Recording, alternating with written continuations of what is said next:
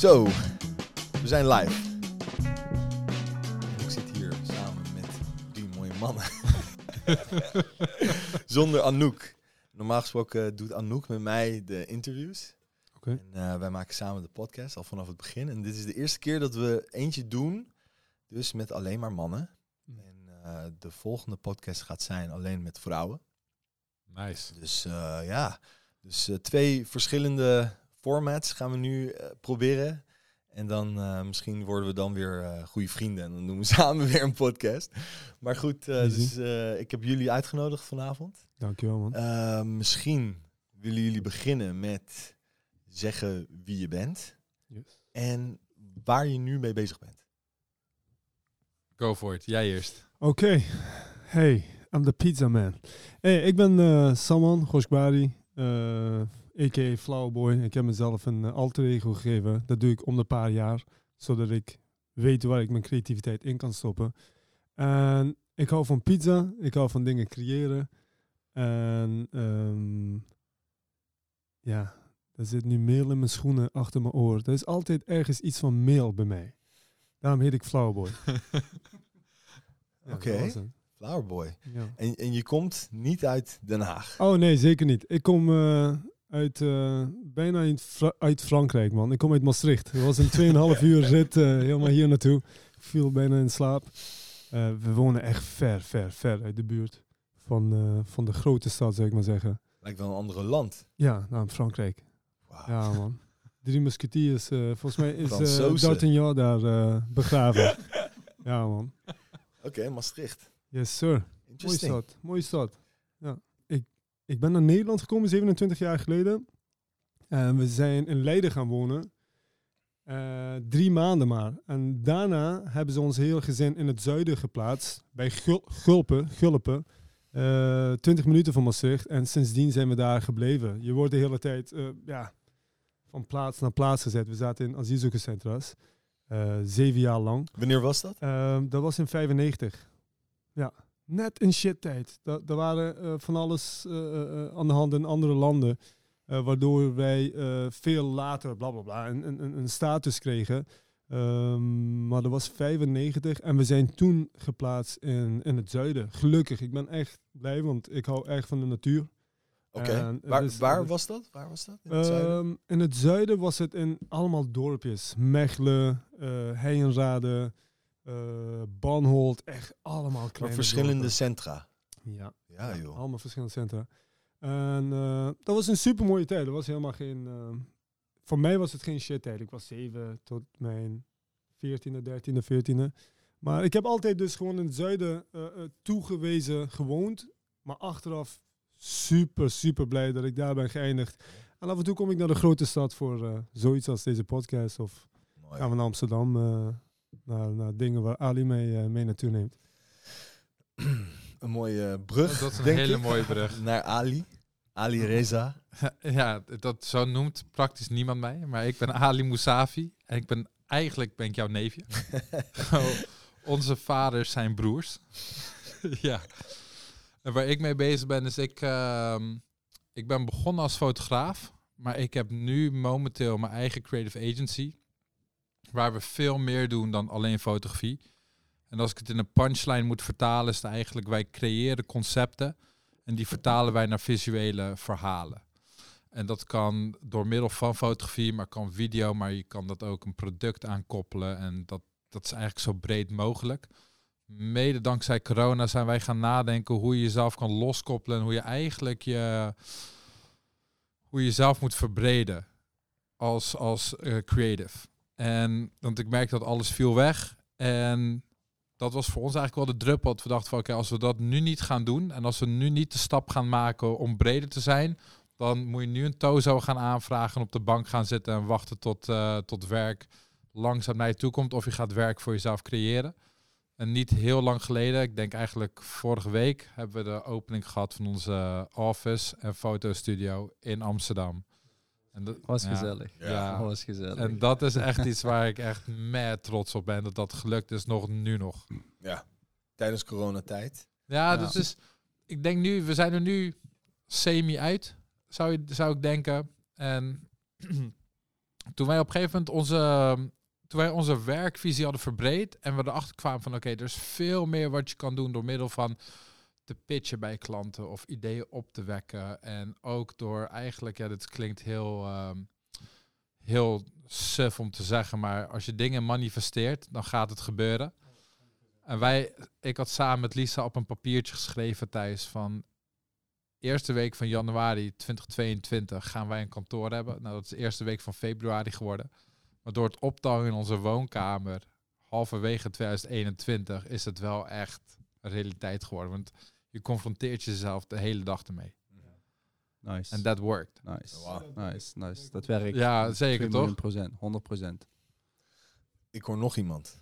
Ja, het was dus niet de bedoeling dat ik zou aansluiten. Nee. En eh Saman eh, ja, vertelt altijd met heel veel trots en heel veel lof over de dingen die jullie doen. En eh, ik, vind het, eh, ik vind het mooi dat hij mij daar ook in meeneemt. En eh, ook mij de kans heeft leren ge- gegeven om jullie te leren kennen. Want wa- wie ben jij, man? Ja, wie ben ik? Ehm, mijn naam is Hisham. Ik ben geen immigrant, wel gewoon geboren en getogen in het zuiden van het land. Ik woon nu sinds 12 jaar in, eh, in Maastricht. Het is alweer 12 jaar. Ja, ja, ja, ja, het is 12 jaar. Ik kom oorspronkelijk uit Geleen Sittard, eh, ook in the middle of fucking nowhere in het zuiden. Ehm, wel Marokkaans van origine. Mijn ouders zijn wel gewoon als eh, gastarbeiders hier naartoe gekomen. Ehm, nou, ik stond twee jaar geleden op het punt om een reisbureau te starten op het gebied van persoonlijke ontwikkeling. Ik had mijn eerste groepsreizen volgeboekt en dat was net voordat eh, de eerste lockdown kwam. En eh, in het kader daarvan was ik toen ook mijn eigen podcast begonnen, wat ik overigens nog steeds doe. Eén aflevering per week waar ik het heb over persoonlijke ontwikkelingsgerelateerde onderwerpen in de breedste zin van het woord. Eh laatste tijd ook meer gaan richten op eh, relaties, eh, mannelijke energie, vrouwelijke energie, hoe we elkaar complementeren, waarin we van elkaar verschillen.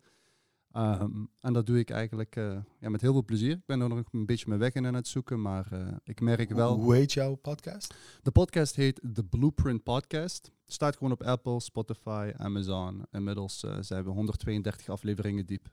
Geen reclame maken voor je eigen podcast. hij vroeg het, hij vroeg het, hij vroeg het. Maar ehm Nee, ja, one, one Love. dankjewel. Ja. Ja. zeker. Ik ga er zeker naar luisteren. Dankjewel, man. Ja. Dus, eh, maar goed, dus eh, nogmaals, we doen iets creatiefs vanavond. We hebben drie sprekers. Ehm, we gaan het hebben over creativiteit. Dus eh, wat betekent het om Flowerboy te zijn? Weet je, wel, je, je, je zegt je alter ego. Mhm. Alter ego. Ja. Wat betekent dat? Wat is een alter ego? Ehm, is Michael Jackson Michael Jackson? Of is dat een alter ego? Is eh, Andy Warhol? Is eh, Jay-Z? Wat is de echte naam van Jay-Z eigenlijk? Ik heb geen idee. Sean, nog wat. Sean is volgens mij P. Diddy. Eh, Ja. Ja, maar, maar anyway, van, van, dat zijn Jay-Z? allemaal alter ego's. Hij Want toch gewoon Jay-Z? niet? Nee, Jay-Z is niet Jay-Z. maar, maar om een voorbeeld te geven. Ehm, je moet je voorstellen, althans dat is zo bij mij, zodra je een andere taal spreekt en je bent in een ander land, dan neem je een andere karakter aan. Dus als ik in, eh, in Spanje ben, ik spreek een beetje Spaans, dan ga ik anders communiceren. En op het moment dat jij een alter ego aan jezelf geeft, durf je bepaalde dingen. Je bent Batman. Oh ja, nu ga ik s'avonds, s'nachts wakker worden en ga ik allemaal rare dingen in de stad doen. Even om een heel stomme voorbeeld te noemen. Flowboy, ik creëer een, een idee erachter wie Flowboy is. Misschien is hij dat helemaal niet, hoe mensen dat zien. Maar in mijn wereld is het een film. Oké. Dus ik, ik heb een, het klinkt echt heel weird. maar Nee, wat voor is- film? Wat voor film? het is een, het is een film waarin ik, zeg maar, ik ben fan van Martin Scorsese. Dus films, Italian mobster films zijn voor mij gewoon de vetste. Hmm. Goodfellas, A Bronx Tale, eh, Casino. Casino, wow. Gewoon the whole nine yards. Ja. En die vibe, zeg maar, die wil ik zeg maar beleven. Daardoor heb ik waarschijnlijk ook een pizzeria. Ik hou van pizza en alles. We hebben al tien jaar een familiepizzeria. Maar is, ik, ik was altijd ehm, aangetrokken door, door die Italian mobster movies. Het is eigenlijk heel sad hoe die oudere gasten allemaal zijn in die films. Maar het is ook ergens gewoon vet. Je vindt hun triest, maar je vindt hun cool tegelijk. Ja. Want ik denk dat niemand eigenlijk een mobster wil zijn. Maar goed, ze zien er cool uit en ze hebben respect in de buurt. Anyway, Flowerboy is gewoon die kleine knul zoals in Bronx Tale bijvoorbeeld. Die kleine knul wat gewoon tussen al die plekken, al die gangsters is en in de pizzeria is en de auto mag parkeren en alles. Zo speel ik die film zeg maar in mijn hoofd af. En het is gewoon een kiddo die, die rondhangt in een pizzeria. Ik heb een beetje ook eens, eh, denk ik, een beetje Peter Pan syndroom. Ik wil altijd jong blijven, daarom heet hij ook Boy. En niet Flower Man of zo. Slim. Eh, eh, Hij, hij kan altijd nog Flower Man worden. hij toch? kan flauw professor worden of zoiets. Hij kan iets heel raars worden. Weet je, dat komt nog als ik ouder word. Als ik, ik weet niet, 50, 60 ben, of, word, hopelijk. Het, het, het gaat evolueren, zeg maar. Het wordt een Professor Flower. Professor Flower. het wordt een hele saga. Op dit moment dan, als je me vraagt. Maar dus, ehm Maar de luisteraar denkt nu, what the fuck heeft hij zojuist gezegd? wat bedoelt hij daarmee? Ja. Wie, eh, als ik een zaken moet doen met jou? Ja. ik, ik bel, nee, maar even serieus. Als Flower Boy, jij doet zaken voor je eh, studio, toch? Ja. De Flower Factory. ja, ja, Jij doet zaken met mensen, toch? En, en ja. die, die, die spreken jou aan. En op dat moment Ja. ben jij niet Saman. Ik ben een brand. Ja. Dan ben je gewoon een brand. Zoals Mickey Mouse, zeg maar. Weet je, Wauw. het is, het, is, het, is een, het is een brand.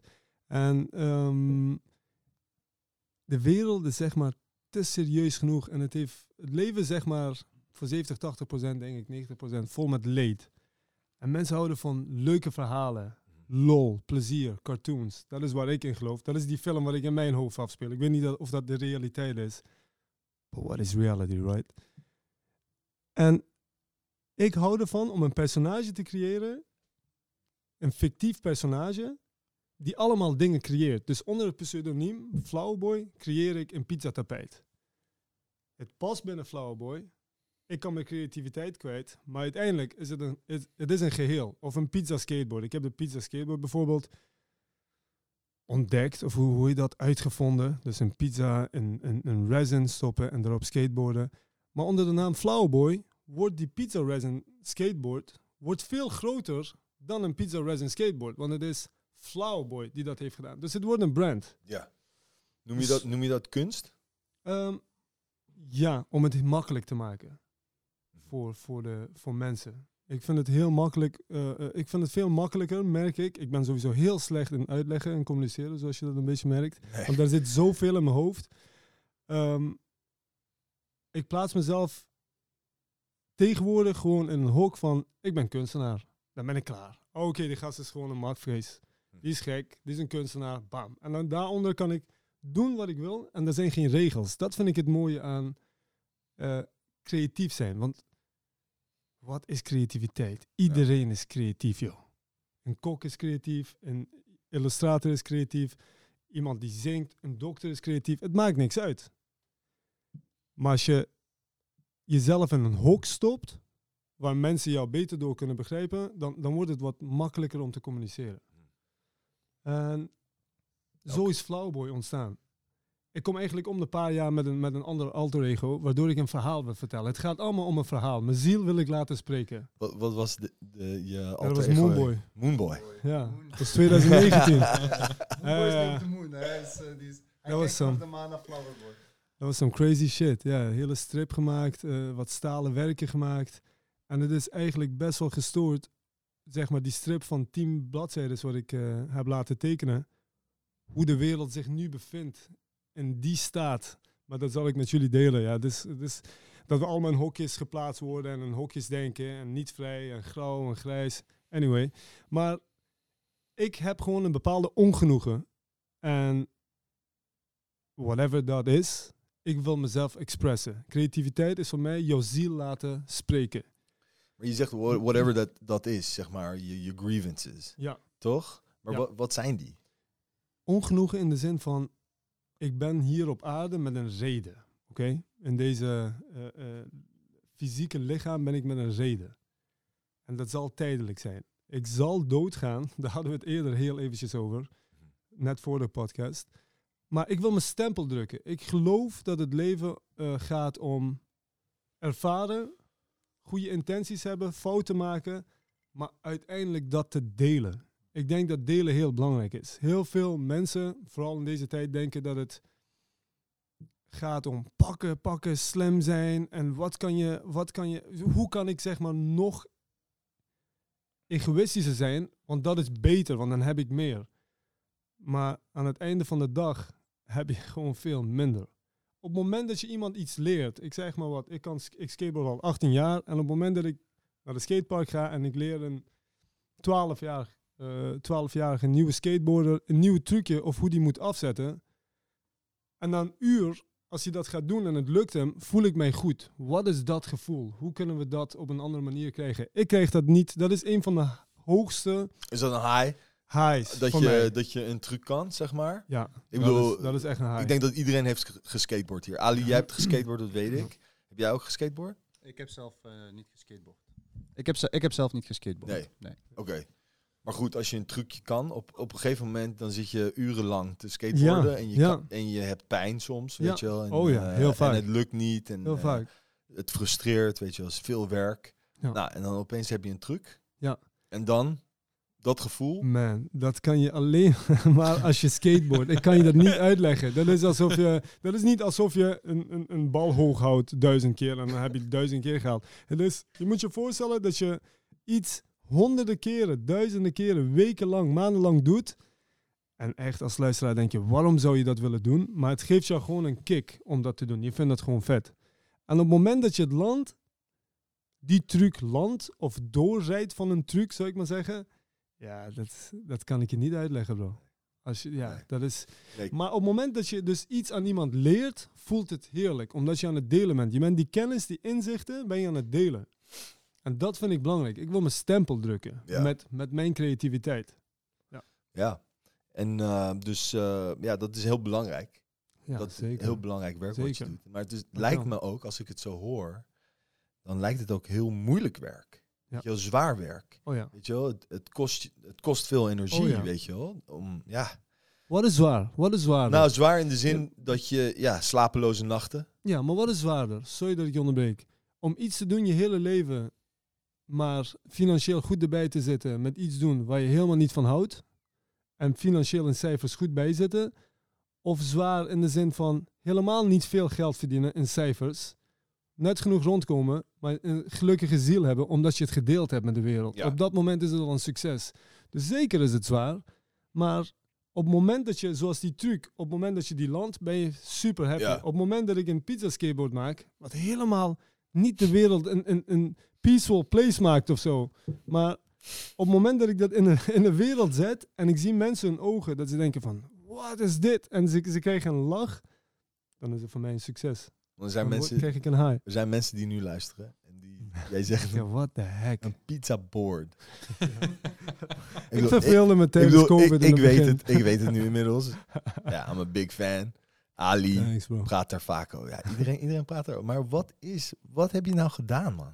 Gewoon heel makkelijk. Ik stond in de keuken. Dat is helemaal niet zo bijzonder. Dat was gewoon een pizza en een skateboard. En ik ging googlen en niemand had dat eerder gedaan. En ik dacht, is er echt niemand die gewoon een pizza en een skate... Of op, Nee. op een pizza geskateboard heeft? Nee, dat ik is... denk, dat kan niet, man. Niemand heeft dat gedaan. Ja, dus toen dacht ik, ja, COVID, dus ik kan niet naar de bios. Ik kan geen pizza kopen buiten. Ik ga gewoon een pizza skateboard maken, man. Easy. Wat dachten je vrienden toen jij dit deed? Die dachten dat ik gek was. Ik weet dat ik nog in Amsterdam was eh, bij... eh, Ja, jij gaat nu voor ze praten, maar we hebben... Ja, We hebben... Ehm Saman is iemand die ik altijd heb gesport, gesupport in alles wat hij doet. Ik weet dat hij eh, ook, eh, als, hij, als hij ergens zijn tanden in bijt, dan gaat hij er voor de volle 100% voor. Dus bij mij wekt het vooral, denk ik, een gevoel van nieuwsgierigheid op. Zo van, oké, what's next? Want ik heb natuurlijk al de andere dingen meegemaakt die hij had gedropt. Ehm, ik wist sowieso dat het, dat het iets leuks en creatiefs ging zijn. Maar toen ik voor het eerst het resultaat zag van de daadwerkelijke skateboard, nogmaals, ik zei het net al, ik ben geen skater, maar ik had gelijk zin om skatekleren te kopen en naar skatepark te gaan. Ik vond, het, ik vond het wel gewoon oprecht fucking dope. Ik vond het echt heel vet. Ja. Maar maakte hij ook zorgen om hem? Of was het gewoon zo van... Nee, nee, ik, eh, ik ken hem als iemand dat... Hij kan, hij kan erin doorslaan en daarna landt het ook. En dan een paar maanden later weet je ook waarom dat zo was. Ja. En dan vallen alle puzzelstukjes op Ja. hun plek. Dus ik, ik zie dat bijna als een cyclus. Dus nu is het, eh, nu is het eh, ja, pizza skateboards. Daarvoor was het inderdaad de Moonboy kunst met, Ja. eh, met, met metaal en met staalwerken. En eh, over een paar jaar is het weer iets anders. Dan denk ik, oh ja, binnenkort komt er weer iets. En dan Zijn, zijn, waarschijnlijk iets wat nog nooit is gedaan. En dan, Right. zijn creativiteit kan je waarderen. ja, absoluut. En, absoluut. ja. Kijk, je hebt mensen als je ze spreekt, nou, die kosten je energie als je uit de kamer loopt. En je hebt mensen als je ze spreekt, die brengen jou ook weer op eh, nieuwe energie en goede ideeën. En eh Saman eh, beschouw ik als een van die personen die mij vaak ook in de juiste richting laat denken. En ook mijn creativiteit. Want zoals, zoals je net al zei, iedereen heeft een creatief proces, ongeacht van welk beroep je uitoefent. Dat ik voor mezelf ook weer op nieuwe ideeën kom. Ja. Dus, Zo, zoals die reizen met ja, precies. Kijk, behandeling. Ja, bijvoorbeeld. Hè, kijk, ik, ik ben iemand die heel veel heeft gesproken over persoonlijke ontwikkeling. Ehm, en we hadden het net over alter ego's. In de auto onderweg hier naartoe hadden we het over het maken van cartoons. Het maken van cartoons waarin je vertelt wat je normaal gewoon voor een camera ook zou vertellen. Als ik, als ik denk aan het woord alter ego, ehm, dan denk ik aan een, een, een personificatie van wie je bent, die eigenlijk alles benadrukt wie je bent in de extreme. En soms is dat precies wat je nodig hebt, omdat je vaak van jezelf niet weet wie je bent, maar het wel vaak van een ander weet. Ja. Dus als je met een andere bril naar jezelf kunt kijken, ben je misschien ook weer grounded in de dingen die jij wilt doen. En Ja. is het een, een, betere weergave van Ja. wie je bent. Ja, letterlijk betekent het dus eh, alter, als in een ander, en ego, je ego. Precies. Weet je wel, de, de persoon die ook vervelend kan zijn, Ja. weet je wel. Als The je, good and the bad. the good and the bad. The good and the yin- bad yin and benadrukt. the yang. De Ja. good and the bad benadrukt. Hè. Daarom bouw je ook banden op met, met iemand zoals Cartman van South Park of zo, weet je. Dus dat, dat, dat is precies dat. Of met een Homer Simpson. Ja. Het, het zijn hele extreme dingen van de dingen die wij daadwerkelijk zijn. Ja. Do. Do. Do. Volgende naam al trouwens. Volgende alter ego wordt Dr. Do. Dr. Do. Waarom heb je die nog niet? Om- omdat ik hier ben en jij bent een dokter. En toen dacht ik, DD, Dr. Do, Do Simpson. Ah. Maar, maar jij hebt dus... eh, Je, je verwoordde trouwens echt heel mooi. Net, Ja, man, dankjewel. Als je met Dank- een andere bril naar jezelf kan Ja, kijken. dus, hè, Beautiful. dus ehm, eh, iedereen kent die momenten. Van je, weet, je weet even niet wie je bent. En dat is, eh, ja, je bent een product van je DNA. Je bent een product van je, van je omgeving en, en van je opvoeding. is, En een, is een alter ego altijd helpend? Zeg maar in mensen die veel pijn hebben bijvoorbeeld. Weet je, dan, dan neem je een bepaalde persoonlijkheid aan. Toch? ja, Ja. En eh, dus die mensen uit een soort pijn, dan creëren ze een persoonlijkheid die om kan gaan met pijn. Snap je wat ik bedoel? Het ontstaat allemaal uit pijn. En Ja. is een alter ego, weet je wel, als optie om je persoonlijkheid op te krikken? het hangt, dat- het, hangt er vanaf, het hangt er vanaf, denk ik, of het bewust of onbewust gebeurt. Ehm, als het bewust gebeurt, kun je er ook met een bepaald perspectief naar kijken. Als het onbewust gebeurt, dan zie je misschien juist alleen de slechte dingen. Ik denk, ik denk het wel. Ehm, want het gaat erom dat je je kan eh, eh, uitdrukken. Het gaat om expression. Als je dingen in je opkropt, dan wordt het een ziekte, dan wordt het een probleem. Dan, dan, Ja. dan kunnen er eh, negatieve dingen gebeuren. Ja. Op het moment dat je een alter ego, zoals bijvoorbeeld in Japan, heb je dat, dat kids of, of oude volwassenen zich, zich anders gaan kleden. Ik weet niet, eh, cosplay Ja, en ja, dat ja, soort ja. dingen. Eén keer in de maand of zo Ja. gaan ze naar buiten in die morph Ja, suits. precies. En, die expressen zelf achter een masker, wat ze normaal dus niet zouden doen. Misschien zat iemand normaal gesproken in het dagelijks leven achter een computer en was die antisociaal. Want, of, of een introvert. En in die pak, of achter die masker, Ja. of in die Ja, cartoon, ja, ja. Kan die zich expressen. En ik denk dat het belangrijk is om het gewoon uit je te gooien. Of je dat nou met sport doet of met, met whatever. Je moet je expressen, want Ja. anders wordt het, ik denk dat het anders een probleem wordt. Ja. Ik, ik ben het er 100% mee eens. En daarom ook zeg ik afhankelijk van of het bewust of onbewust wordt. En om misschien wat meer context te geven. Voordat ik het idee had om te gaan podcasten en een reisbureau te starten, maakte ik deel uit van een klein familiebedrijf die dus inkoop en verkoop deed van geek-gerelateerde merchandise. En ik ging dus op maandelijkse basis naar Comic-Cons door heel Europa. en daar zag je dus inderdaad al die mensen, ehm, tieners van 16, maar ook echt gewoon volwassen mannen van 55, die eh, voor, voor dat ene moment in het hele jaar echt zichzelf konden zijn, maar in een ander jasje. Dat ene moment in het hele jaar gewoon konden zijn wie ze wilden zijn. Ja. Want inderdaad, het klopt dat de gemiddelde IT-nerd ja, introvert is van karakter en zich moeilijk weet uit te drukken en, en over heel veel dingen in het leven waarschijnlijk heel onzeker is. En wanneer ze dan inderdaad een pak dragen van, van Batman of een pak van Spider-Man, eh, ik vind het moeilijk om te zeggen, verschuilen ze zich dan juist of zijn ze dan juist echt wie ze zijn? En, Ja. ik, ik, en ik denk het tweede. Denk het Ik ook. denk het tweede. ik denk het is- Mijn mind is blown door wat hier allemaal... Ja, Ali, dus, eh, toen ik eh, werk van jou zag, eh, dat je had gemaakt in Iran, eh, tijdens je expo- expositie, Ja. wanneer was Ja, dat? d- Twee- 2013. 2013, kan je nagaan, zo lang Ja. geleden. En die dingen die daar hingen, dat was, zeg maar, je had jezelf helemaal in die cultuur gedompeld. En je was weer een soort van Iranier of zoiets. En je nam die foto's uit een Iraanse blik. Ja, dat, ja dat was... Nou, dat... Kijk, waar ik het over heb was... Je hebt dus een alter ego, maar ik denk dat ik struggle met juist mijn eigen ego. En dat is, dat is niet omdat ik niet door een andere bril naar mezelf kan kijken, maar ik ben constant bezig met mezelf. Constant te challengen. Het is heel leuk dat je erover begon dat wij patiënt zijn. Want nu ga ik iets zeggen. Misschien, moet, je- misschien moet je dit uit, We kunnen Maar- dit eruit knippen. Nee, maar fair enough. Maar toen ik de switch maakte van mijn, van mijn oude huisarts naar mijn neef, het eerste wat hij zei is: besef dat als ik ergens ook aan moet voelen, dat ik het ben. ja, toch? Ja, we moesten erom lachen, maar het was zo'n fact-check dat ik dacht van ja, toch? Maar wat boven dat allemaal stond, is ik geloof er heilig in dat hij heeft het ten altijd het beste voor mij. Toch? En dat was ook de main, main reason waarom ik die switch heb gemaakt. Ja. Maar waar ik heel erg mee worstel, is dat ehm, ik kijk heel erg om me heen. En of ik nou naar Iran ga en weer de Persian word, en dat ik het vanuit een Iranier de foto's maak, of dat ik beslis om een kantoor te openen en dat ik eisen stel van hé, hey, het moet binnen een maand af zijn. Ik eis heel veel van mezelf. En elke keer kom ik op hetzelfde punt dat ik ergens instort. Oké. En, en dat heeft Hoe bedoel je instort met, met eh, hoe jij foto's maakt? Nee, nee, niet instorten, maar mijn gezondheid. Oké. Mijn gezondheid stort in. Hmm. mentale gezondheid.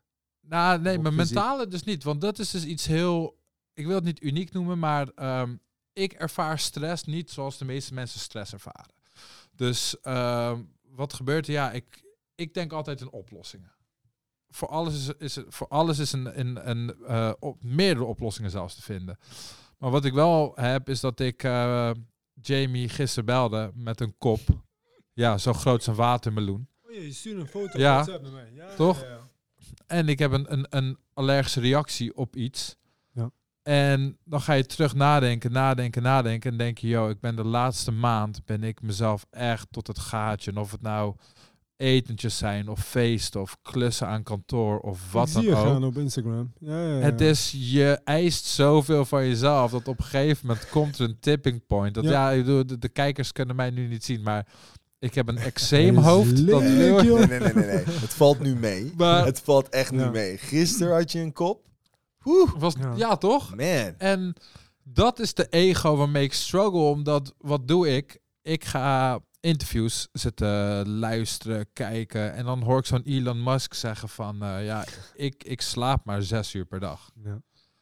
Ja. En ik denk dan bij mezelf van, joh, er zijn heel veel succesvolle mensen die ik volg. Ik heb binnen mijn netwerk heel veel succesvolle mensen waar ik enorm naar opkijk. Ja. En ik zie hun ook gaan. Ja. Maar ik heb geen inkijk in hun health. Ik heb geen, Ja. ik heb geen inzage in Ja. of ze gezond zijn, wat Nee. ze eten. Weet je, dat Of ze ik- gelukkig zijn. Nou ja, van, van, Ja, maar van- dat, dat, dat zijn wij wel eh, benieuwd naar. Met Ja. z'n allen. Wat doe Ja. jij om het mogelijk te maken? Weet je wel? Wat, wat, hoe zorg jij voor jezelf om creatief te kunnen zijn? Maar ja, ik denk dat de eerste stap is dat ik beter voor mezelf moet zorgen ten alle tijden. Ja. Ja, Ja, dat, laat dat voorop te stellen. Want En wat, hoe doe je dat? nou ja, het is heel makkelijk om te zeggen van ja, ik ga gezonder leven. Maar ehm, een paar weken, nou, ik denk een maand voordat ik überhaupt jou gisteren opbelde met mijn, met, met mijn opgezwollen kop, belde ik jou. Weet je nog dat Ja. ik buikgriep had en dat Ja. jij tegen mij Ja. zei van yo, eet jij sterke producten? Ja, Zoals, ik weet het Nederlandse woord niet, maar wat is shalgam? ja raap. Ja, Toch? Een soort koolraap. inderdaad. koolraap. Eet Ja, je ja. dat? Ja, Eet jij. Als, als mijn vader dat klaarmaakt, Ja. dan doet hij dat. Hij, hij kookt het. Dus mijn vader maakt het klaar. Mijn moeder Ja. maakt het Niet klaar. niet klaar. Vet. ja? Omdat het stinkt. Het stinkt, Oh, ik Als vind je het heerlijk ruiken, snap je, maar ik ook. Oh, Ik ook. Andere mensen weet, kennen dit niet. nee. Wij nee. koken koolraap, waardoor het naar een soort scheet gaat. Exactly. Ja, Ja, ja, 100%. want er zit Maar- methaangas En, in. en mijn, Ja. mijn pa zegt dus altijd dat het ook een soort penicilline is. ja, Ja, dat ja. exact. Zegt jouw pa dat ook? Ja, ja, tenminste, ja, ja, Ja, ja, bij dat zei maar. Kamal, Amu Kamal zegt het ook. Exactly. en weet je, dat, dat maakt zo uniek. Want jij zei tegen mij, eet jij sterke producten? Ja. Eet jij dus, dus koolraap? Eet jij Lever. lever? Oh ja. Toch? Wat, wat je nog man. meer? Hart, nieren, dat soort dingen. Kip. Oh. Ja, Gewoon alles opeten. alles. Toch? En, en, Vitamines, vitamine C, En- D, en- mineralen. en wat ik heb is... ehm, ik, la- laten we het instorten noemen. Op een gegeven moment, je voelt die tipping point. Van oké, Ja. ik ga nu ziek worden. Ja, en je wat voelt doe ik dan? Dan ga ik eh, sinaasappels halen. Ja. Dan ga ik... Maar dan is dat te laat. Zo doe ik dat ook altijd trouwens. Dan- als het dan- te laat is. Ja, man. dan, dan is het al veel te laat. Ja. En hoe moet ik het doen? Ik heb niet zozeer dat mijn creativiteit eronder suffert. Ik heb meer dat ik gewoon een balans moet vinden in het leven waarop ik soms weet van oké Ali, een weekend even niks doen is ook goed. Mhm. En dat is heel moeilijk voor mij moeilijk. om, om te accepteren van. En dat komt ook heel erg door FOMO, dat komt door Instagram, dat komt door om je heen kijken. Ja. De- wat ik zei van de interviews lezen en eh, al zou ik zelfs een zaterdag vrij nemen, op een gegeven moment klap ik toch de laptop open, ga ik toch e-mails zitten typen en, Ja. en dat, soort, dat soort dingen. En daar denk ik van, ja, ik zou een, een hele goede balans in moeten vinden om mezelf daar gezonder in te kunnen houden. Healthy mind is denk ik veel belangrijker, want dan gaat je lijf Oh, ook healthy zijn. Er zijn dudes die, eh, weet je wel, bekende Nederlanders, die, die, op, die opeens de stad uit vluchten, Ja. Omdat ze compleet doorgedraaid zijn door social media. Ja. Je, je, Ja. je, je zegt dit nu, maar ik moet, eh, ik moet dan denken aan, eh, aan, aan ja, best wel bekende Nederlanders die dat niet meer trekken, ja, zeker. weet je wel. Want Ja, dat het een ja. beetje te heftig wordt, die social media. Ik, Het zijn eh, te veel ja. impulsen. Het zijn ook echt te veel impulsen. Onbewust. Ik denk dat we het ja, bewust, ja, daar maak je bewust mee. Maar ik denk dat we niet eens het effect, en ik ben echt voor social media en internet en ook web 3.0 en alles. Maar ik denk dat we niet weten wat het onbewust met ons doet. Ja. Ik denk dat dat Eens. echt heel grote consequenties heeft. Ja, het, het vreet aan je. En toevallig, wat jij nu net zegt. Ik zag gisteren een post online komen van iemand die een hele lap tekst had getypt. Die voor de tweede keer in zes maanden tijd naar Zuid-Afrika gaat. Oh, Een bekende Nederlander. Om af te kicken van zijn probleem. En dan lees ik een tekst en denk ik, ja, dat is heel mooi. Maar ehm, om te zeggen dat je een verslaving hebt, is eigenlijk het makkelijkst wat er is. Om af te komen is moeilijker. Een relapse is onderdeel van af kunnen komen. Maar om het op social media te uiten naar je mensen, ik denk niet dat dat een hele grote... waarom deed hij dat? Ja, dat vraag ik me dus ook al. Want ik denk dat je op een gegeven moment in zo'n een, in, in zo'n cirkel zit dat je denkt van oké, ik moet alles delen met mensen. Ik moet alles naar buiten brengen. Maar yo, keep it to yourself sometimes. Misschien is het beter om gewoon even MIA te gaan. Ik denk dat eh, het delen met de wereld van bepaalde dingen waar je mee struggelt, één heel groot voordeel heeft. En dat is een accountability gevoel. Dus van het, van het moment dat je dingen de wereld in van, eh, gooit van ik ga dit te doen of ik ga dat veranderen, dan weet je dat de wereld naar je kijkt en dan heb je ook de pressure dat je daadwerkelijk actie moet ondernemen. Hey, mooi gezegd. Dus ik denk niet dat het altijd een slechte, slecht ding is om, om, Nee, dingen te delen. Nou, je put it this way. Ja, ik snap het wel. Misschien ben ik ook te... he- heb ik mijn vooroordelen klaar over bepaalde dingen die ik lees. Of dat ik denk van, pff, zo zou ik het anders hebben gedaan. Maar nee, Ja. je hebt gelijk. Misschien is dat ook een manier voor iemand om te denken van... hey, als er zoveel honderden duizenden mensen naar mij kijken en dit nu lezen, dan is die pressure nog veel hoger. Ja, Ja. dat heb je Ik- mooi gezegd. ik- het, het hangt er maar net vanaf. Hè. Ik weet nog dat ik het moment dat ik eh, mijn eerste workshop wilde gaan doen, Salma weet dat nog, ik heb dat heel lang uitgesteld. En toen ik in één keer had gezegd, eh, voordat ik een workshop had, dat ik een workshop ging geven, eh, weet je, dan moet je. Je, je moet aan de bak. Want mensen kijken mee van de zijlijn en je, je voelt de druk en dan in één keer komt er iets in je los. Eh, Ik denk wat heel veel mensen missen in hun leven, of het nu op creativiteit aankomt of, of mentale gezondheid, is een sense of urgency. Het gevoel hebben van, joh, de tijd tikt, mensen kijken mee, ik heb pressure, ik moet presteren, ik ben hier niet voor altijd. En daarom ben, ben ik er juist wel voorstander van als mensen op social media open en eerlijk zijn. Ja. Ehm, Maar hebben jullie de film eh, Doctor Strange gezien? Welke, eh, welke is dat? De, nee. De nieuwste? nee, de, de, gewoon de eerste. De allereerste Doctor Strange. Heb jij die gezien? Is dat, ik bedoelde van Marvel. Ja. Ja, heb ik gezien. Ja. Ja. Weet je, we hadden het net over pressure, toch? En hij kan die chi. Lukt hem niet om Ja, te ja, doen, ja. toch? Klopt, klopt, klopt. En je weet op een gegeven moment hoe ze hem zo ver krijgen om dat te doen, Nee, toch? weet ik niet meer. Nee? Die, die oppermonk, die wordt zo boos dat zij opent een chi en ze gooit hem bovenop de Himalaya. En ze, Ja. ze close the gate. Oké. Ja, en iedereen zit in die scène zit om zich heen te kijken van wat doe jij, wat doe jij, wat doe jij. En ze zeggen als het hem nu niet lukt onder zulke omstandigheden, met zo'n pressure, dan is hij hier niet voor gemaakt. En dat is het moment dat het hem lukt om die chi gate te openen om zichzelf weer terug te halen. ja, en ik moest daar net aan denken omdat die, die de druk wat je op jezelf uitoefent, toch? Om soms heb je ook een duw in je rug Ja, nodig ja, ja. om ja. Want jij zei, je, je traint vijf keer in de week. Ja, ik, ik, heb me, dat, ik vind het zo interessant. Ik heb me altijd geïdentificeerd als een sportman. Van, van kleins af aan. Ik heb eh, heel lang taekwondo gedaan. eh, ik heb heel lang gezwommen. Ik heb tien jaar gebasketbald. En op een gegeven moment ben ik op mijn achttiende ben ik met de, met de gym begonnen. Ik had eh, op de middelbare school had ik een eh, groeispurt meegemaakt, waardoor ik al heel snel de langste was. Maar ik was echt zo'n lange, magere slungel. Ik was best wel onzeker. Ik had best wel veel acne en dat soort dingen.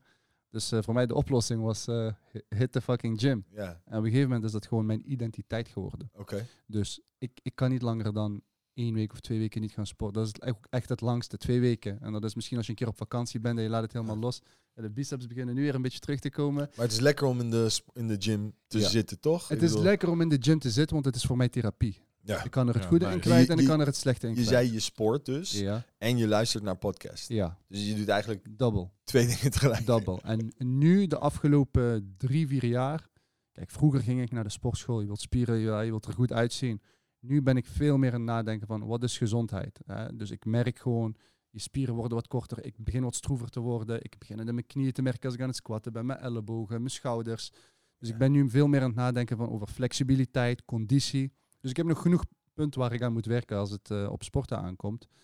Maar ik heb de mindset dat ik het in ieder geval nooit zal loslaten. Ja. Dus eh, mag ik vragen hoe oud je bent? ik ben... eh, Wacht, niet zeggen, niet zeggen. Mogen wij het raden? Ja, zeker. Alright, Ali, wil jij het eerst Ik zeg raden? 31. Wacht even. 31. Ehm, ja man, ik zou, ik zou daaronder hebben gezeten, Ali. Oh, really? Ja man. Ik, ik zou zeggen 29. 29. Ja man. Dank jullie wel, man. Ja, ik was vorige week met een uh, meid-update en die dacht dat ik 26 was. Dus het, Oh, gaat, het, gaat, het gaat goed, het gaat goed. Mijn, mijn verjaardag was op de opening van jouw, uh, Oh, van je? studio. Oké, vorige week, vrij- vorige week vrijdag was ik jarig. Ja, dus En? ik, eh, ja, het is 34. Wow. Ik ben 34 geworden. Een weekje nu. Ja, Ja. Marokkaanse mannen hè. Marokkaanse dat- Die, mannen. die, nee, maar die agen goed. Dat zeggen ze, ja. Ja. Dat klopt, ja. Ja, klopt. Het is een beetje Afrika zit in hun, weet je wel. Een beetje Afrika. Klopt, klopt. Ja, maar ik vind het interessant. Wat, wat, we hebben het over gezondheid. Toen je het net had over... ehm, het eerste wat ik dacht was... Dwayne Johnson. Ja, The Rock. The Rock. Gezond of niet gezond? Ik zou zeggen gezond. Waarom? Als je kijkt naar zijn levensstijl, hij zit vol met anabolen. Is dat Hij- zo? Je wordt niet zoals The Rock zonder, zonder Ik anabolen. wil het niet geloven, Nee, man. Ja, nee, dat- nee, dat nee, soort dingen Daar gaat Dat is weer... wat- Dat is wat ik ook heb. Nee, maar dat Daar kijk, dus weer- je, ah, kunt, je, kunt, je kunt niet dat formaat worden zonder externe middelen. Het is iemand die letterlijk drie, vier uur per nacht slaapt. Hij staat om drie uur op, hè. Dat is zijn routine, hè. Dus hij gaat om elf uur slapen, hij staat om drie uur op. Ehm, iemand die continu aan het werk is. Maar de keerzijde, iemand die naar mijn gevoel wel gewoon mentaal goed in het leven Ja, staat. Ja. dat wel. Ik- Dus Exactly. is hij dan gezond of is hij niet gezond? Dat vind ik een hele goede Zeg het kwestie. maar. Zeg het maar. Ik weet het niet. Dat weet ik echt niet. Zijn vader was ook een beroemd iemand. Eh, die is op 75-jarige leeftijd overleden. Ik denk, Is eh, hij ook een... eh, een ehm, want want The, The Rock is begonnen als worstelaar, toch? Zijn Ja. vader. Zijn vader, zijn was, vader eh, ook, toch? Zijn vader was een hele beke- bekende eh, WWE wrestling eh, kampioen. Ja. En eh, ook gewoon als je de foto's van zijn vader kijkt, g- grote man, sterke Ja, man. Hulk Hogan heet hij toch? Nee, maar, maar, Hulk Hogan, ja. maar daarvoor zelfs nog, toch? Daarvoor zat die vader nog in de... Het zou, het zou, het zou Ja. kunnen, maar zijn vader in ieder geval ze- zeer zeker wel.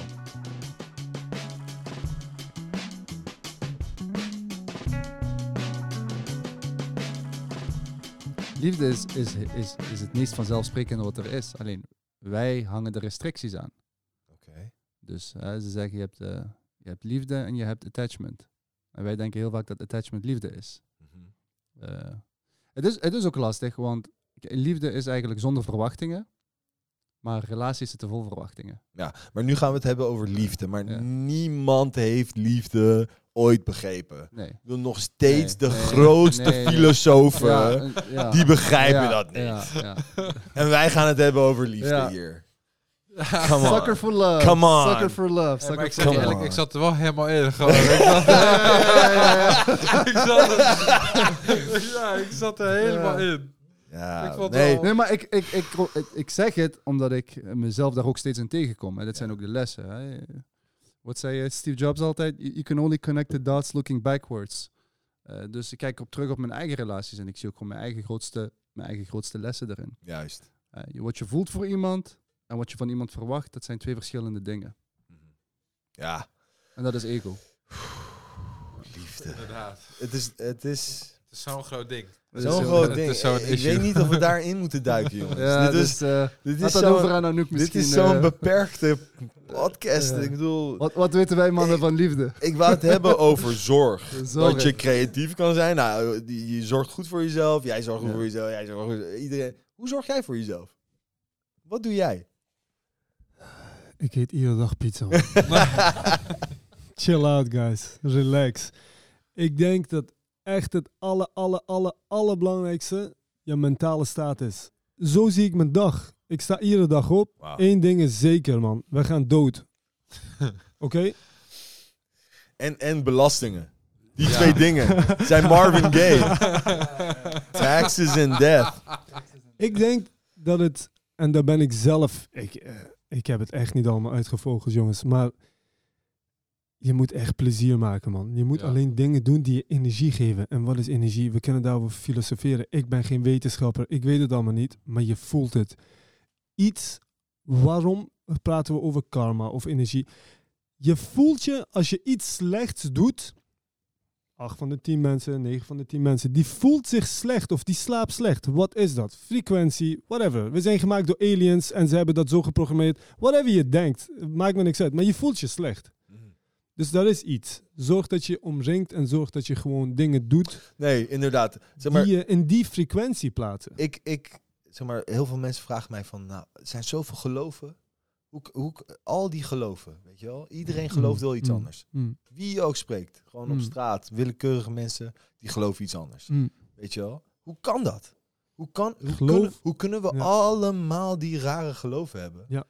Over iets spiritueels. Ja. Weet je wel, het zijn dan met name dan, Ja. ja, zelfs, weet je wel, het christendom, veel daarvan is spiritueel. Ja. Weet je wel? Ja. We hebben er een mooi verhaal van gemaakt. En weet je, kerstboom, kerken, dat soort dingen. Dat is Coca-Cola geweest met de maar- kerstman. Ja, oké. Ja. Maar het is veel spiritueler dan dat. Nee, maar sorry, ik, ik, ik, ik snap 100%. Het is 100% veel spiritueler.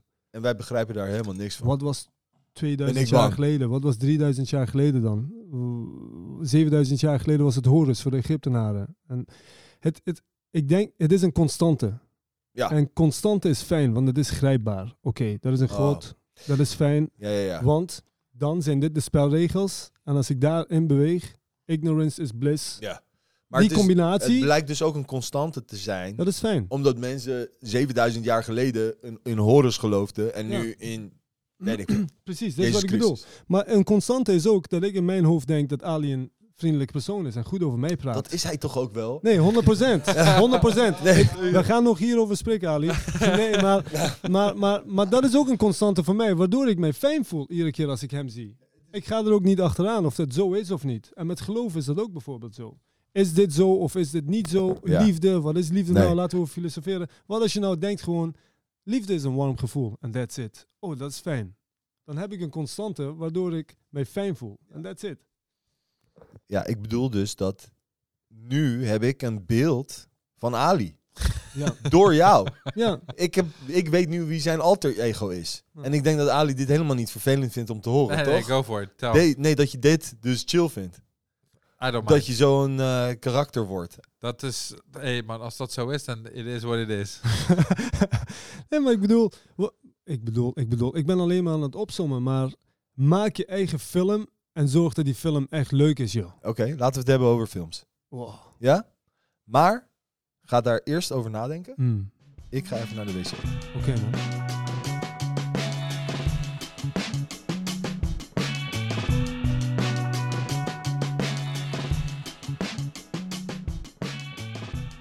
Wat vinden jullie van het design van onze praktijk?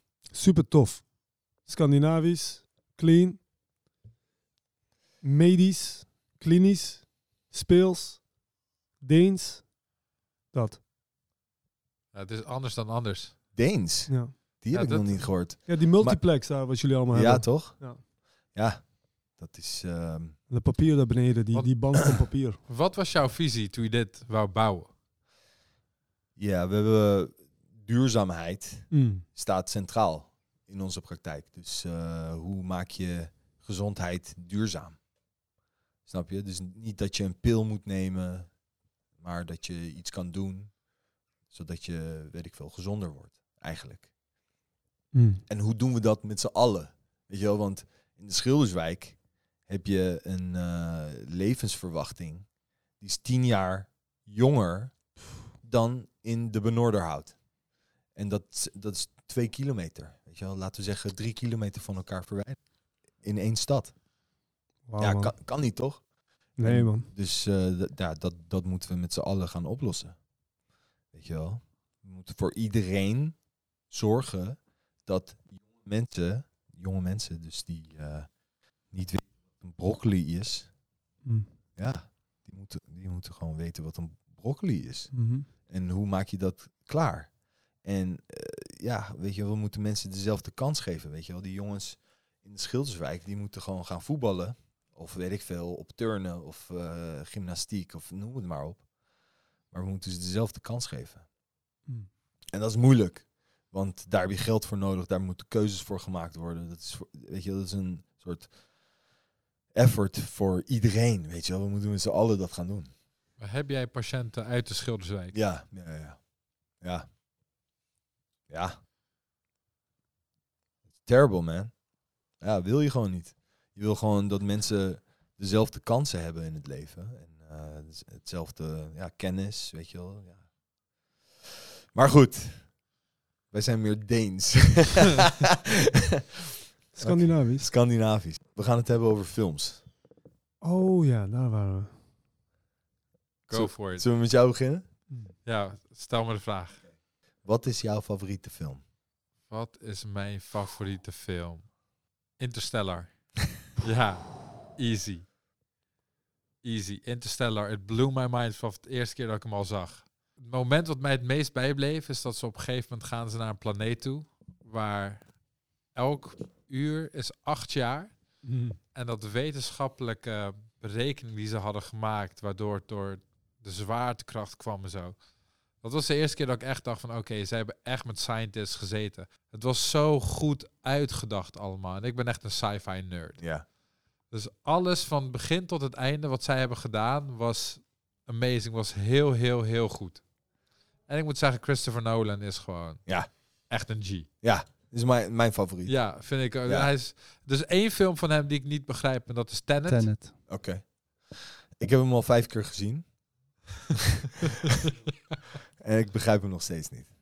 Ja, je kan hem blijven zien en je begrijpt het gewoon Nee, niet. Op een gegeven moment dacht ik, nou, hij bedoelde er eigenlijk helemaal niks mee. Ja, maar begrijpt hij hem zelf al?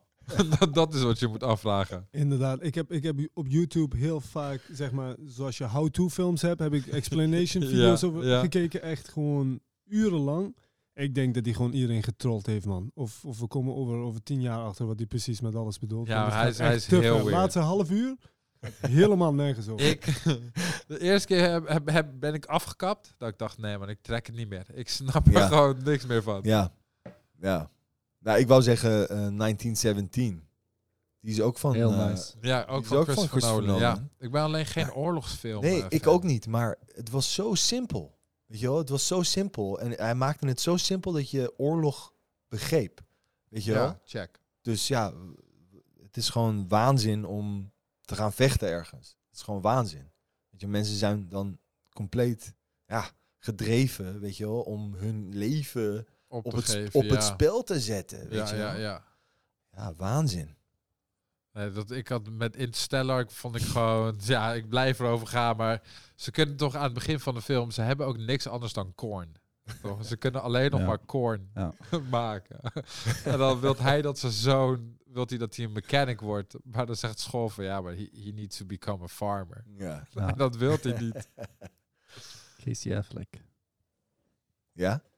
Ja, voor mij... Ik hoef niet lang na te denken. Interstellar. Echt? Ook? Interstellar. Ook? Interstellar. Ik, eh, ik was eh mind Ik heb toevallig eergisteren nog The Bronx Tale gekeken. Eh, classic. Maar Interstellar was voor mij van een ander kaliber. Ik ben een groot, groot fan van eh, Hans Zimmer.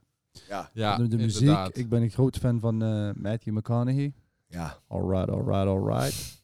en eh, ik, ik, ben wat, ik ben heel erg geïnteresseerd in de ruimte en alles wat met de ruimte te maken heeft. Dus ik lees er veel over. Ik keek ook heel veel. Ik ben daarna ook alles gaan nachecken in hoeverre het klopte en zo. Ja. En ehm, ja, de relativiteitstheorie, hoe dat was toegepast. En, ja, gewoon het feit dat je dat kunt uitdenken in een film. En dan gewoon met greenscreens een beetje kunt bewerkstelligen. eh, en dan het acteerwerk Ja. van een Matthew McConaughey. Ja, goed. Next level, next level, next level. En mooi dat liefde dus door de tijd heen Ja. je een beetje kan communiceren. Ja, als je ook gaat kijken naar, eh, hoe heet dat? Dat? De tekst waar de film over gaat, eh, de, het plot. A movie about a relationship between a father and a daughter. Ja. Dat, dat is de omschrijving van de film. Ja, mooi. En dat is trouwens, eh, wat veel mensen niet weten, dat is de message die Hans Zimmer heeft gekregen voor de soundtrack. Dus hij wist helemaal niet dat het over een ruimtefilm ging. Hij wist Oh. helemaal niet waar de hele film over ging. En op basis van die ene zin Wow. heeft hij de hele soundtrack gemaakt. Ah, dik. Somebody's mind just got Ja, blown up. again. Dat is top. Ja, ja heel vet, Ja. heel vet, heel vet. Hans Zimmer. Hans Zimmer. The Lion King, The Nee, Last hij Samurai. heeft, hij heeft zoveel goede muziek gemaakt Ja. voor Christopher Nolan. Ja. Batman ook toch, hè? Volgens mij ook. Ja, The Dark Knight. The, Dark Knight was ook Ja. eh, Hans Zimmer. En hij heeft eh, volgens mij een toonprogressie. In heel veel films heeft hij een toonprogressie. Dan Hmm. hoor je een, eh, een eh, elektrische keyboard. Mm. Die heeft een toonprogressie wat zich telkens herhaalt. Lager wordt, maar klinkt alsof, alsof het telkens hoger wordt. Het is bizar. En nu zeg ik het tegen jullie en jullie hebben geen enkel idee waar ik het over heb. Ik wel, Jij wel? ik wel. In zijn films heeft hij een of ander toon die is heel onheilspellend. Ja. En die herhaalt zich Ja. telkens. Ja, het is fascinerend. Inception trouwens, hè? Time. Yes. Ja, classic, classic. En op het moment dat ze aankomen op de planeet, hoor je zo'n getik, toch? En elke Ja. keer dat tik, tik, tik, dat zijn de Ja. jaren Ja. Ja. die er voorbij Ja, gaan. en op aarde. Klopt. Ja, Oké. Oké jongens, jullie laten me echt heel stom voelen over mijn film. Die is heel simpel. Het is Goodfellas. Heel Ja. simpel. Simpel. Ik ben een eh, achterbuurtjongen van niet iets maken. Dus ik hou van het deel in, in, in films waar of criminelen of gewoon goede mensen van niets iets maken. En dat je de waarheid zeg maar ziet. Zoals ik dat ook gezien heb. En dat was voor mij Goodfellas man. Ja, heel simpel. wat vond je van Breaking Bad? Boah, dat is nog een film. Een heel. Zeg maar, ik vind. Inter oh, begrijp me niet verkeerd, hè? Interstellar. Crazy. Wow, wow, wow. Ik, het is ook heel moeilijk om te zeggen: wat is je favoriete film? Want Godfather Part 2 is op een andere manier mijn favoriete film. Eh, Inception. Bijna iedere Leonardo da, eh, eh, da Vinci, Leonardo DiCaprio film vind ik tof. Bijna iedere Johnny Depp video waar- waarin ze spelen vind ik super tof. Het is heel moeilijk om te zeggen welke, maar welke film ik echt honderd keer achter elkaar kan kijken. En ik kan geen film honderd keer, twee keer achter elkaar kijken, want ik weet precies wat in een film gaat gebeuren. Is gewoon Goodfellas. Dat is Ja. gewoon Ja. voor mij. D- dat is bij jullie Interstellar. Ja, dat snap ik ja, ook, want iedere keer zie je wat anders. Maar wauw, man. Ik heb het ook met Heat. Wauw. Ja, Wel. die kan ik blijven kijken. ja. Serieus. Ja. Top, top drie. Ja. Maar de film, voor mij de enige film van de afgelopen jaren die, die zeg maar, die top 10 heeft behaald, is The Green Book. Voor de rest zijn er zoveel slechte films gemaakt, jongen. Dat is niet gezien, normaal. man. Dat is gewoon niet normaal. Dat, dat vond ik een heel toffe film ook. Heb jij die gezien? Vond ik tof. Vond Ja. ik persoonlijk heel tof. Sommige blijven je bij, weet je wel. Ja. Mm, mm. Ja. Bij mij blijft altijd bij Good Will Hunting. Ik weet niet of jullie die Mm. kennen. Ja, zeker. Eh, van van eh, Ben Affleck Ja. en eh, Weet die... eh, Matt Damon. Matt Damon. Yes, Matt sir. Damon. Die, en, en Robin Williams. En Mm. die twee gasten die hebben een Oscar gewonnen voor scenario. Wow. En dat was de eerste scenario die ze hebben geschreven. Dat is toch... eh, how you like these apples? Yes. Ja. How you like them apples? Ah, dat ja. I got her number. How'd you like them apples? Er zijn Ja, zoveel films die we vergeten, man. Ja, dat is Eh, toch eh, dat The, hij- The Green Mile. Ja, maar dat is toch dat dat... Hoe heet het nou? Hij kan er niet tegen dat hij zo intelligent is en hij wil het niet zelf. Hmm. Daar gaat het toch om? Good will hunting. Uh, ja, hij, want- hij wil niet zelf eh, zo slim zijn. ja, Ja. Dat is het hem. Hij wil het Ik- gewoon... het is gewoon een verhaal over een jongen die op een meisje verliefd wordt. Hm. Basically, that's it. Ja, Love, love, love. it's all it is. Nice. Anyway, oké, nou, dus eh goede films, man. Mhm. We gaan eigenlijk eh, nog twee dingen bespreken, als jullie het goed vinden. Ehm, Nee. nou, dan gaan we nu naar Toch huis. gaan we doen. Nee, dan gaan we nu naar huis. Oké. We gaan eten. Ik wil het hebben over, eh, ja, je bent een perfectionist soms, toch? Dat is eh, hetgeen wat je vertelde. Je had eh 600 eh, keer geprobeerd met die skateboard. En Oh ja. ja, toch? Je had eh, onwijs vaak geprobeerd met die Ja. skateboard om het goed te krijgen. Ja. Ja. Zes maanden. Zes ja, ja, maanden. Zes, cijfer zes. Ja, ja, ja, ja, zes maanden. Ongeveer zes maanden. Misschien wel acht. ja. Ja. Ik, Maar het is moeilijk, is moeilijk voor mensen om met jou om te gaan. oh ja. Toch? Is, voor mijzelf ben ik voor mezelf een mysterie, man. Ja. Het is moeilijk om te communiceren. Want, oh tof, pizza skateboard. Hey, you guys don't have a fucking freaking clue, man. What's about to come? Weet je, over tien jaar, niet nu. Dit was gewoon, ik verveelde me echt in de pizzeria. Ik had stress, er was niks te doen. Covid-tijd, begin Covid-tijd. Zet me in een hoek, dan ga je gekke dingen meemaken. Daarom zet ik mezelf nu in een, in een hoek met, ehm, met die loods wat ik nu heb eh, van, van eh, 400 vierkante meter. Dan zet ik mezelf in een financieel zo een heftige hoek, zo'n druk, waardoor er nu echt gekke dingen gaan komen. Ja. Want ik kan 6 meter de lucht in, zeg maar. Ik kan iets 6 meter hoog bouwen. Ik kan eh, 20 meter, 30 meter breed bouwen. Ik wil echt gekke dingen doen. Zet me in een hoek. En nu wil ik alleen maar daarin zijn. Door mijzelf, niet door externe factoren. Ja. Ehm, pizza skateboard, ja, dat was voor mij zo logisch. Twee van de meest universele dingen waren niet samengebracht. Ja. Ik skateboard al 18 jaar. En op een gegeven moment kwam het gewoon in mijn hoofd. Ik kan daar heel interessant over doen, dat ik geniaal ben. Het kwam gewoon, hey, pizza skateboard. En toen begon ik gewoon te bakken en te proberen. Belde de leverancier op van die epoxy. En ze lachten me uit. Ze zei, dat kan niet, want er zit vocht. En, eh, Is het, een, is het een goed sk- skateboard geworden? Kan je er... Ja, je kan ermee cruisen. Zo'n hele grote Braille skateboarding in Amerika. Die hebben, dat is een grote YouTube eh, eh, kanaal. Ehm, en die hebben een afdeling dat heet You Send It, We Skate It. En iedereen stuurt van alles op. En dat is zelfs daar geweest. Ze hebben daar volgens mij echt een paar uurtjes op kunnen skaten. Ah, ja. Het is niet gebroken. Uiteindelijk is het gebroken, maar ze hebben daar zoveel op gedaan. Waar ik zelf van dacht van, holy heck, hoe, hoe hebben jullie dat gedaan? Ja.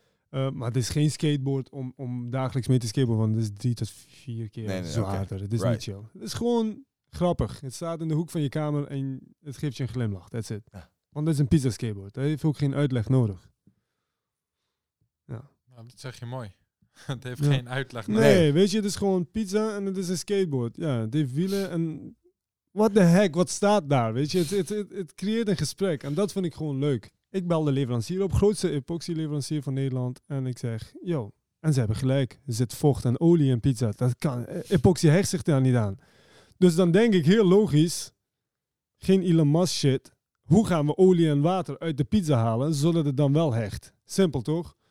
En er is er echt geen apparaat voor. Dat is gewoon een föhn. En dat is gewoon een doek. En je moet gewoon urenlang deppen totdat de olie weg is. Ja. En, en de vocht eruit weg wordt geblazen. En dan ga je dat lakken en op een gegeven moment zie je dat het lukt. Nou, dat was het. Als ik had geluisterd naar hun, want zij zijn de specialist toch? Was ik ermee gestopt. Dat lijkt me vet. Dus we gaan gewoon de hele tijd door totdat het lukt. Dat komt ook vanuit het skateboarden. Nogmaals, Juist. waar we eerder over hadden. Je, je doet drie weken lang een truc en dan lukt het een keer. En dan denken mensen, oh shit. En jij denkt zelf ook, vet. En dat, ik weet niet, als ik niet had geskateboard, of ik nog steeds zo zou zijn. Dat ik echt heel veel Ja. tries over iets zou doen. Dat Ja. is echt een grote levensles voor mij geweest, man. Ken je nog van vroeger Mythbusters? Ja. Ja. Ja, Daar zou ik iets van aan zijn. denken. Ja. En hoe bedoel je dat? In de zin van, zij pakten een myth Ja, en gingen kijken of het echt kon. En als het niet kon, dan gingen ze kijken hoe het dan wel kan. juist. Hoe, hoe zorg jij, Ali, dat eh, wat je doet, dus eh, je professionele zelf, Ja. dat dat niet, weet je wel, andere relaties, bijvoorbeeld met familie en zo, beïnvloedt? Hoe zorg jij daarvoor? Ik heb mezelf aangeleerd dat op een gegeven moment moet je stoppen met eh, mijn kleine nichtje. Als ik met haar ben, dan stopt de wereld voor mij, want dat is een kind. Ik- als ik met mijn kleine nichtje ben, zij weet niet wat. Zij heeft nog helemaal geen besef van eh, rekeningen betalen. eh. Het is nog puur. ja, man. En als ik dan zoiets om me heen heb, vooral, vooral toen Kati, ge- toen ze die kleine kreeg, Ja. dat was voor mij een switch in mijn hoofd. Dat ik dacht van, oké, ik, ik zei eerst altijd, ik ben 24-7 aan. Ik zeg het trouwens tot de dag van vandaag, zeg ik het nog steeds. Ik ben 24-7 aan, maar dat is bullshit. Want Ja. eigenlijk wil je vanavond, als je zo meteen met de boys uit eten gaat, wil je het over koetjes en kalfjes kunnen Ja, hebben en 100%. dat soort dingen. Ik denk dat daar de switch in mijn hoofd is gekomen. Dat ik dacht van, oké, ik moet ergens een lijn kunnen trekken. Ja. Want zelfs de beste, een van mijn beste vrienden, Ron, Hm. waar ik dagelijks mee omga. Zoals hem sprak ik laatst dat hij zei van... joh, ik ga vanavond gewoon niks meer doen, bro. Ik Nice. ga op de bank film kijken. Ja, lekker. En, en di- di- dit vind ik heel vet wat je zegt. Ik begrijp niet waarom het of of moet zijn. Dus waarom kan je niet in een dag en een vakantiegevoel hebben en even Exactly. rusten en hard Ja. werken en skateboarden en gezond eten Ja, en ja, ja. whatever. Het kan allemaal in een dag. Het is iets voor mij althans. Het kan, een minu het, het, het kan maar 10 minuten zijn dat ik eventjes weer terug naar mijn default setting, helderheid of wat dan ook Ja, ga. nee, dat en dat is ik, bijvoorbeeld in de morgen of als ik een kopje koffie drink ergens en dan ga ik keihard. Acht uur lang ben ik bijvoorbeeld aan lassen nu. Ja, daarna ben je echt niet meer goed, joh. Echt niet. Hm? En daarna ga ik weer eventjes terug, eventjes rusten, Ja. een pizzatje eten, met mensen een beetje of, of wat jazzmuziek luisteren. En dan ben ik weer ready om drie, vier uur te gaan. Je kan niet in één keer de hele dag doorgaan. Nee, ja, ik hou heel erg van alles wat ik doe, haal ik heel veel energie uit. En ik hou van heel veel van bellen. En ehm, heel veel mensen zeggen Ja. tegen mij van ja, waarom verhuis je niet naar Amsterdam? Want je netwerk zit Ja, daar, je kantoor zit daar, alles zit daar. En laatst zei ik tegen iemand voor de grap, en eigenlijk dacht ik later, dacht ik bij mezelf, dat was eigenlijk helemaal geen grap. Ik zei, dat half uur in de auto, dat heb ik nodig. Nice. Want dat doe ik, ik stap in de auto Nice. en, oh ja, ik moet die bellen. En Nice. oh ja, ik heb nog een idee en Ja, ik moet dit nog doen. En yo, let hit, eh, hit this dude up. ja, En dat in mijn hoofd, dat is dat vakantiegevoel. dat is een magic moment. Exactly, Ja, ja, maar met een purpose. Ja, man. Ja, En ik haal daar zoveel plezier uit. Want op het moment dat ik op kantoor aankom, dan weet ik wat mijn taken zijn. Dan weet ik wat ik moet doen. Het is allemaal heel duidelijk. Maar wat je zegt, ja, waarom kan je niet een vakantiegevoel hebben op Ja. een dag en ook gewoon je taken af kunnen vinken? want Ja. het wordt allemaal zo gemarket, joh. Weet je, plezier hebben is in de bar zitten en een voetbalwedstrijd kijken en een Guinness drinken. Marketing, Eh, marketing. Ik, ik ben zelf dus heel erg betrokken in marketing. Mm. En waar je het over hebt, dus bier. Mm. Dus eh, biermarketing. Ja. En biermarketing, ik bedoel, als je kijkt naar eh, een Heineken reclame of een Gros reclame, weet je wel, Amstel reclame, Amstel Live. Weet je wel, daar is gewoon een soort gevoel bij gecreëerd, Ja. weet Ja. je wel. Ja, ja, ja. Nederlandstalig muziek, Ja. met z'n allen, weet Ja. ik veel, in de AFAS, live, whatever, weet je wel. Dat gevoel is nu Amstel, Ja. weet Klopt. je wel. En het is telkens een, een gevoel creëren bij je brand, weet je wel. Maar als jij een Heineken gaat proeven, in blindproeverijen, Ja. ja, ik ben benieuwd wat jij gaat zeggen. Ja, ik snap eh, heel goed. De, de hele wereld is... eh, wat zei Dave Chappelle? Dave Chappelle werd eh, gevraagd van... do you like Pepsi more or Coca-Cola? Whatever pays most. Klaar, weet je? Dat is gewoon wat het is. Hallo, tuurlijk. Koning. Whatever Het pays is gewoon most. Ja, hoe het allemaal koning. gemarket wordt, man. Ja, betaal die meer, proef dat beter. Betaal die meer, proef dat beter. Ja, het is allemaal marketing en Ik moet, branding. ik moet ook zeggen, soms eet ik iets en dat is heel duur. Weet Ja. je wel, dat is in, Ja. in een toprestaurant. Ja, 100, 100 euro betaal je, weet ik veel, aan, die, aan, die, aan wat je aan het eten bent. Bro, kan ik bij je werken? En dan denk je, ja, I've had better. Ja, Mm. doeroe. Mm. Ja, ja, maar ik zeg je eerlijk. Ik kwam er dus eh, van de week achter dat die, eh, s- die steaks van, eh, hoe heet die, Nusret? Salt Bay. Daar betaal je dus meer dan 1000 euro voor. Ja, ja, een steak. crazy. Dat Ja, is ja, ja, Crazy. ja, ja. Crazy. Branding. Ja, en ik weet zeker dat, dat jij vanavond, nou, ik weet bijna zeker, want ik heb daar één keer gegeten, maar ik ga jou iets laten proeven. Dat is een Szechuan peper Oh, in een gerecht, oh. waarbij je je tong gewoon een uur lang niet meer kan voelen. Dit- bro, dat ga ik niet eten, man. Oké, duidelijk.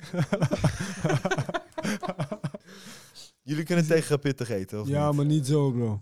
Jawel, Wacht even, this. We man. got Because, because Ali en ik eten pittig. Ja, maar morgen weet- ook. Eet jullie morgen ook nog pittig, zeg maar? Sowieso. Nee, luister. morgen? Wij komen uit het zuiden van Iran. Oh. Eigenlijk onze genen komen daar vandaan. Oh ja. Wij kunnen dat. Oh, wow. ik echt En je niet. moet het ik ga wel trainen. zweten. Ik zeg je eerlijk, ik word wel...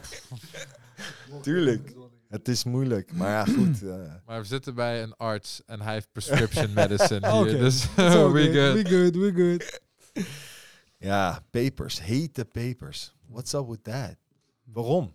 Snap je wat ik bedoel? Is het gezond? Dat is mijn vraag. Er zijn culturen in eh, India, Thailand, eh, eh, waar ze heel, heel, heel... China, Sichuan, waar ze heel pikant eten. Ja, Mexico. Ja. Mexico. Ja. Is dat gezond? Dus eh, de, de, dezelfde hoeveelheid darmkanker komt hier voor. Weet je wel? Oké, oké. Ik weet niet waar een peper allemaal goed voor is. Maar ik denk, je hebt zelfs een, gradatie van Ja, hitte. hoe heet het ook alweer? Schofield. Schofield. Michael Schofield. De Schofield Ja. scale. En eh, je hebt dan de habanero en de, Ja, ja, en ja. de Carolina Reaper. Reaper. Ja, ja. En de Ghost Jeannette. of Ja, zoiets. Ghost Pepper. Ghost, Ghost Pepper. Pepper. Ja, ja, ja, ja. Goeie naam toch? Ja, want Ja. je wordt wit. Ja. you turn white. Gewoon zo erg. Maar kennen jullie dat filmpje van de sambalman uit Rotterdam? Nee. Dat die wordt, dat die wordt dus een guy in Rotterdam, die heet de sambalman en die Mm. maakt zijn eigen sambal. Oké. En eh, die reporter is bij hem. Mm. En hij is eh, met Madame Jeanette papers bezig. En die guy pakt zo'n Madame Jeanette paper en die zegt... eh, is dit pittig? En hij zegt, nou, ik vind je een hele grote meneer als je deze in één keer opeet. Ah, En die reporter, die, Ja, het is klaar. die 30 eet hem. minuten. Ik ga hem zo jullie laten zien. Hij, hij klaar. stopt, hij kan niet meer. Hij kan niet meer. Nee, je kan eh, habanero. Heb je ooit een habanero een stukje van genomen? Nou, dan ga je gewoon kapot. klaar. Dan ga je gewoon kapot. En als je dat hele ding in je mond doet. Ja, ben je klaar. Half uur leg je eruit, joh. Laatste vraag voor jullie. Go Ja? for it. Mm. Oké. Hoe zorg je voor onze planeet? Eh, ik rij een Tesla, so I'm Ja. already doing it. Ja, you're covered. you're covered. Nee, ehm, ik ben de laatste maanden heel erg bezig met de next generation. Dat is ook een van de dingen hoe ik mijn office aan het marketen ben en aan het branden ben. Dus wij hadden het gesprek net over, jij vroeg aan mij voor hoeveel ga jij je fotostudio verhuren? Toen vertelde ik jou hoeveel, toen zei je van ja, dat is gestoord. Waarom doe je dat? Dat is om de volgende generatie de kansen te geven die ik... Ik wil niet zeggen dat ik ze niet heb gehad, maar ik heb er ik heb er heel veel wegen voor moeten bewandelen om op de juiste plekken te kunnen komen, om de kansen te kunnen krijgen. En eigenlijk geloof ik er heilig in dat als ik nu die wegen korter maak voor de volgende generatie, om hun de knowledge te kunnen geven, d- eh, dat ze sneller kunnen leren. Vandaag had ik mensen in de studio. Ehm, eigenlijk was het helemaal niet de bedoeling dat ik ze ging helpen, dat ik de lampen voor ze ging opzetten, maar ik heb het allemaal gedaan. To make the life easier. Die fotograaf had nog nooit met lampen gewerkt. En had die lampen liggen. ja, ze kwamen binnen, ze dachten dat ik ze in de studio had. Ik heb ze uitgelegd dat ik dat niet heb. Toen hebben ze gebeld met hun opdrachtgever. Die, heeft, die heb ik uitgelegd waar die ze kon halen. Ja. Dan heb ik de eigenaar gebeld van de rental company, want die is op de zaterdag niet open. Die heeft een favor gedaan voor mij door open te gaan, door die lamp aan hem mee te geven. Die heeft ze bij mij afgedropt. Nou, loop ze anderhalf uur achter. Volgens heb ik die meid uitgelegd hoe je lampen op moet zetten. Gewoon Juist. helpen. Help the Want- process along. Want aan het eind van de dag, al die meiden gingen met zo'n smaal weg. Oké, beter man. Ze had nog nooit met lampen gewerkt, niks. En dat is niet om mezelf op een pedestal te plaatsen, maar dit soort dingen moet je doen voor de next generation. Zorgen voor de volgende generatie. Ja, en ook voor de generatie die daarna komt. Ja. Dus mensen kunnen ruimte huren bij jou in je studio. Ja, niet alleen, Ja. Het, is, het gaat niet alleen om de ruimte, het gaat er mij op dat je mensen helpt in plaats van... eh. Hoe vaak rij je ergens langs de snelweg en je ziet iemand stilstaan? Eigenlijk zou het een goodwill zijn als je stopt en even zegt, joh, kan ik je ergens mee helpen? Juist. Het gaat op een snelweg, gaat dat lastig. Eigenlijk zou je dat veel vaker moeten doen. Maar hoe help je de wereld to be a better person? Oké. Beautiful. Ja, ik ga, ik ga de andere kant op. Eh, eh, nee, ik vind, het, ik vind het prachtig wat je gezegd hebt. Alleen ik zeg altijd, eh, hoe beter je voor jezelf zorgt, hoe beter je voor een ander kunt zorgen. Nice. The happier you are as an individual, the more human you turn into as a human being, the more kind we become as mankind. Dat is hoe ik er eh, naar kijk. En eh, ik, ik, ik zeg altijd, begin, begin bij jezelf. Ja. Transcend het gewoon naar je eerste kring, je familie, je vrienden. En als je heel, heel, heel goed bent, je bent echt een top iemand, kun je dat naar je community doen. En dan wie weet, ooit nog een keer op een, op een grotere schaal. Ehm, en inderdaad, blijf, blijf, blijf, blijf gewoon eh, andere mensen helpen. Het zijn ook de, klein, het zijn de kleine dingen die het verschil maken. hè. Dus hoe jij straks eh, in je rol zit als, als vader of moeder, eh, als buurman of buurvrouw, als ja, leraar of op, opleider van generatie op generatie. Het zijn kleine dingen die het, Ja. de ripple effect hebben. Dus dat is zeg maar, dit, dit verhaal van je moet goed voor jezelf zorgen. Dat gebeurt ook in vliegtuigen. Ja. Dus daar, daar vallen zuurstofmaskers en, de, en mensen van, weet ik veel, KLM of eh, British Airways, whatever, die zeggen ook in een soort filmpje, Mhm. vooraf zeggen ze eerst je eigen moeder. zuurstof, Eerst zelf. eerst je eigen zuurstof, dan voor een ander zorgen. Ja. ja. Dus dit verhaal is goed, zolang het hele vliegtuig goed is. Mhm. Snap je wat ik bedoel? Je moet ook zorgen voor, de, voor het hele vliegtuig. Mhm. Ik vind, als je alleen maar denkt aan jezelf, Mhm. Weet je wel, die hele vliegtuig moet goed zijn. Ja, eens. Ja, as a community. Mhm. Dus ik, Exactly. geloof in, ik geloof heel erg in community. Wat voor had ik vaker moeten gebruiken vanavond. Community? Ja, Community. ja maar... Kan je het zo zeggen? Community. Community. Community, community, Ja. community. Ja. ja. en jij, Saman? Wat was de vraag? Flowerboy? De vraag was, eh zorg- do I make... Hoe Eh, zorg jij op- voor onze opoffering. planeet? opoffering. We hebben elkaar allemaal nodig. En iedereen gaat voor zichzelf.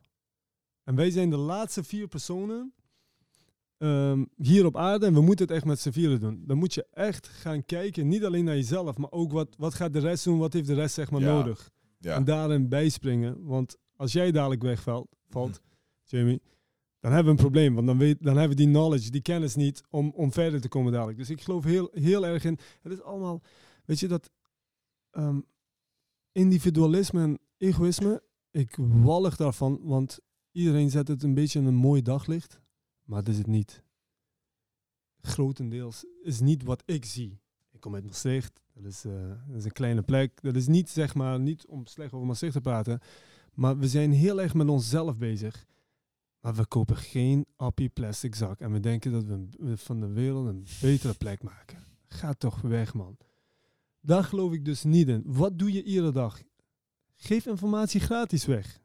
Help iemand over te steken. Alle classic dingen. Gewoon hou een deur open. Ehm, heb je extra eten? Deel je eten. Het zijn allemaal, zoals Hisham net zei, het zijn allemaal die kleine dingen. En dat is een opoffering. Want dat is een stuk van jouw pizza. Die heeft acht slices. En ik heb nu vijf weggegeven. Ik had zelf ook honger, man. Want ik weet hoe het is om honger te hebben. En nu heb ik maar nog drie slices. Ja. Je offert je acht slices, vijf slices op, zeg maar. Ik heb op, op YouTube heb ik een film gezien van een pizza. Mm. Die wordt gesliced. In de pizzeria. En die motherfuckers die daar werken in de pizzeria, die nemen dus een Sla- stuk Ja. van die pizza. Ja. En dan zetten ze hem Schrijven weer hem terug. terug. Ja, ja, ja. Heb je die gezien, Ja, Ali? ik ken die, ik ken Ja. die man. die lifehack ken ik, man. Zou jij dat niet doen dan? Je Als kan toch van 12, je kan toch van dus toch zo'n hack dat je van 10 pizza of 8 pizza's 10 kan maken. nee, Ja, nee, je- toch? Eh, Nee, het is, het is je, je slijst hem bijna in de helft. En dan slijst je hem nog een keer bijna. Heb je Ja. zo'n strippie. Ja. Dat Ja. kan je er fucking ja, uithalen. ja, en dan zie je het niet, man. Nee, dan zie je dat niet, dat klopt. Je luisterde naar de Nieuwe Dokter podcast. Volg ons op Spotify voor updates over nieuwe afleveringen. Ook op Instagram, Facebook en LinkedIn is de Nieuwe Dokter te vinden. Heb je naar aanleiding van deze aflevering vragen? Schroom niet en mail naar info@nieuwedokter.nl.